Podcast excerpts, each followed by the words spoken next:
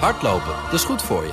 En Nationale Nederlanden helpt je daar graag bij. Bijvoorbeeld met onze digitale NN Running Coach... die antwoord geeft op al je hardloopvragen.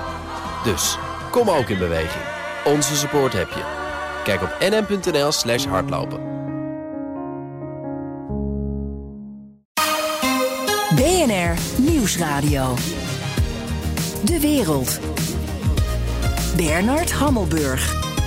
Tijd voor het Europese nieuws met Europa-verslaggever Geert-Jan Haan. Geert-Jan, eh, ook BNR De Wereld kan niet achterblijven. Wat wordt 2023 voor een jaar in Europa?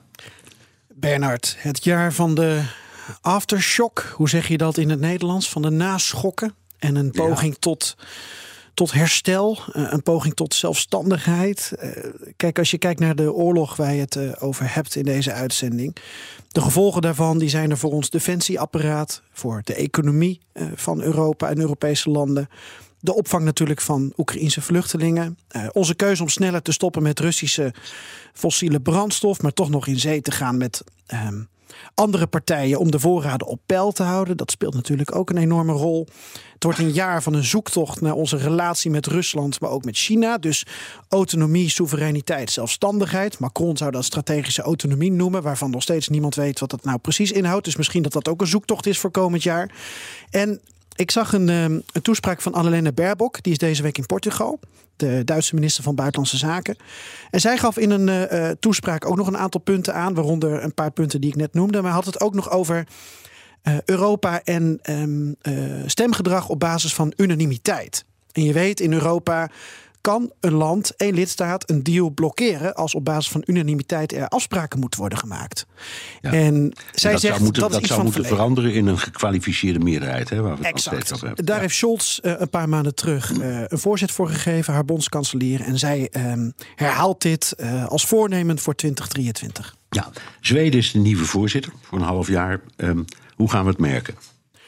Nou, door de muziekkeuze, Bernard. Ze hebben een, eh, een playlist op Spotify samengesteld. Dat was een eerste wapenfeit van de Twitter-account van de eh, eh, Zweedse voorzitter. Eh, 58 nummers aan Zweedse muziek kun je beluisteren.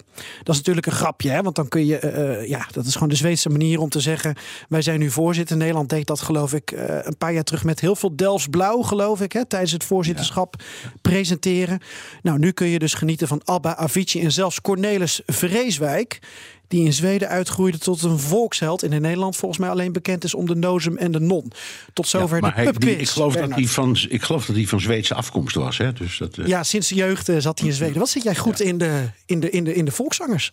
joh, wat dacht je? Hey, dat wordt een groot onderdeel van de geopolitiek, toch? Heel goed. En dan Ja. zijn we terug bij wat jij bepaalt. eh, de agenda. En dat doet de voorzitter van de EU ook. Zweden dus. En als je die dan naast die van de afgelopen voorzitter, Tsjechië legt, hè, het afgelopen half jaar, dan is het op papier niet zo schrikbarend anders. De voorzitter bepaalt de agenda, maar het zijn eigenlijk accentverschillen. Dus veiligheid staat er weer op, energietransitie, energiezekerheid.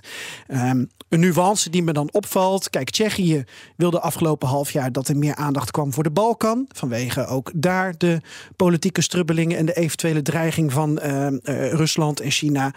Ehm, nou, daar is ook eh, eh, aandacht voor geweest met een Balkan-top. Zweden eh, maakt dan bijvoorbeeld op het punt veiligheid weer meer werk van criminele bendes in grote Europese steden. Daar hebben ze zelf in Stockholm veel last van, georganiseerde misdaad. Dus dat koppen ze dan aan dat hele grote thema veiligheid op het eh, continent. Ja. Wat ik zelf nog wel, ehm, waar ik wel benieuwd naar ben, Bernard, is de Europese Ruslandstrategie. Daar gaat volgens mij over gesproken worden komend half jaar. Wat voor relatie moet Europa met Rusland nou hebben? Wordt ongelooflijk ingewikkeld.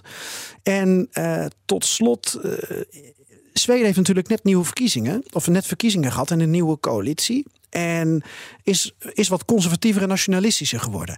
En ik ben benieuwd, zie je nou in Europa een conservatieve verticale as van Zweden, Polen, Hongarije, Oostenrijk, Italië? En op welke manier komt die dan tot uiting? Dat is gewoon iets waar ik over zat na te denken. Daar ga ik eens op letten. Ja. Ehm, en waar let je nog meer op komende jaar? Ja, ik denk uh, de relaties van de EU met Rusland, China, Amerika, gewenste Europese autonomie. Um, als je dat dan opdeelt, uh, dan heb je bijvoorbeeld die Chips Act, hè? dus uh, Europese chips soevereiniteit, waar Amerika ook loopt te pushen. westerse soevereiniteit op dat terrein eigenlijk.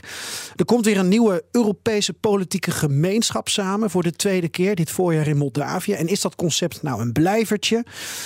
En het tweede halfjaar, Bernard, dan zal je zien dat er alweer wat meer vooruitgeblikt wordt op de Europese verkiezingen die in 2024 zijn. En zelf ga ik denk ik heel erg ook letten op Polen. Daar zijn in november verkiezingen. En Polen is steeds meer een draaischijf in Europa. Dus dat is heel belangrijk om in de gaten te houden. Ja, er zijn altijd verkiezingen binnen de EU. Wat zijn de volgende? De eerstvolgende? Nou, dan zijn we terug bij de oude voorzitter, Tsjechië. Volgende week presidentsverkiezingen. Nou, de president is vrij ceremonieel, dus het is niet van enorm belang. Wat mij alleen opviel was um, Milos Zeeman, die treedt dan terug. Die is nu president, maar die is eigenlijk ook vrij uh, fragiel. En hij was sinds de Praagse lente van 1968 actief in de eerste Tsjechoslowaakse en daarna Tsjechische politiek. Dus dat is toch wel ja, uh, iemand die na, wat is het, uh, eh, 55 jaar afscheid neemt van het Tsjechische ja. politieke toneel. En eigenlijk alles heeft meegemaakt wat we nu weer herhalen. Want hij begon in een periode dat Rusland, Rusland toen nog als Sovjet-Unie ja, abrupt die Praagse lente beëindigde met de inval. Ja. Cirkel is rond. Cirkel is rond. En denken we ook nog even aan Doepcheck voordat die wordt vergeten. Dankjewel, Europa-verslaggever Geert-Jan Haan. Hardlopen, dat is goed voor je. En Nationale Nederlanden helpt je daar graag bij. Bijvoorbeeld met onze digitale NN Running Coach... die antwoord geeft op al je hardloopvragen. Dus, kom ook in beweging. Onze support heb je. Kijk op nn.nl slash hardlopen.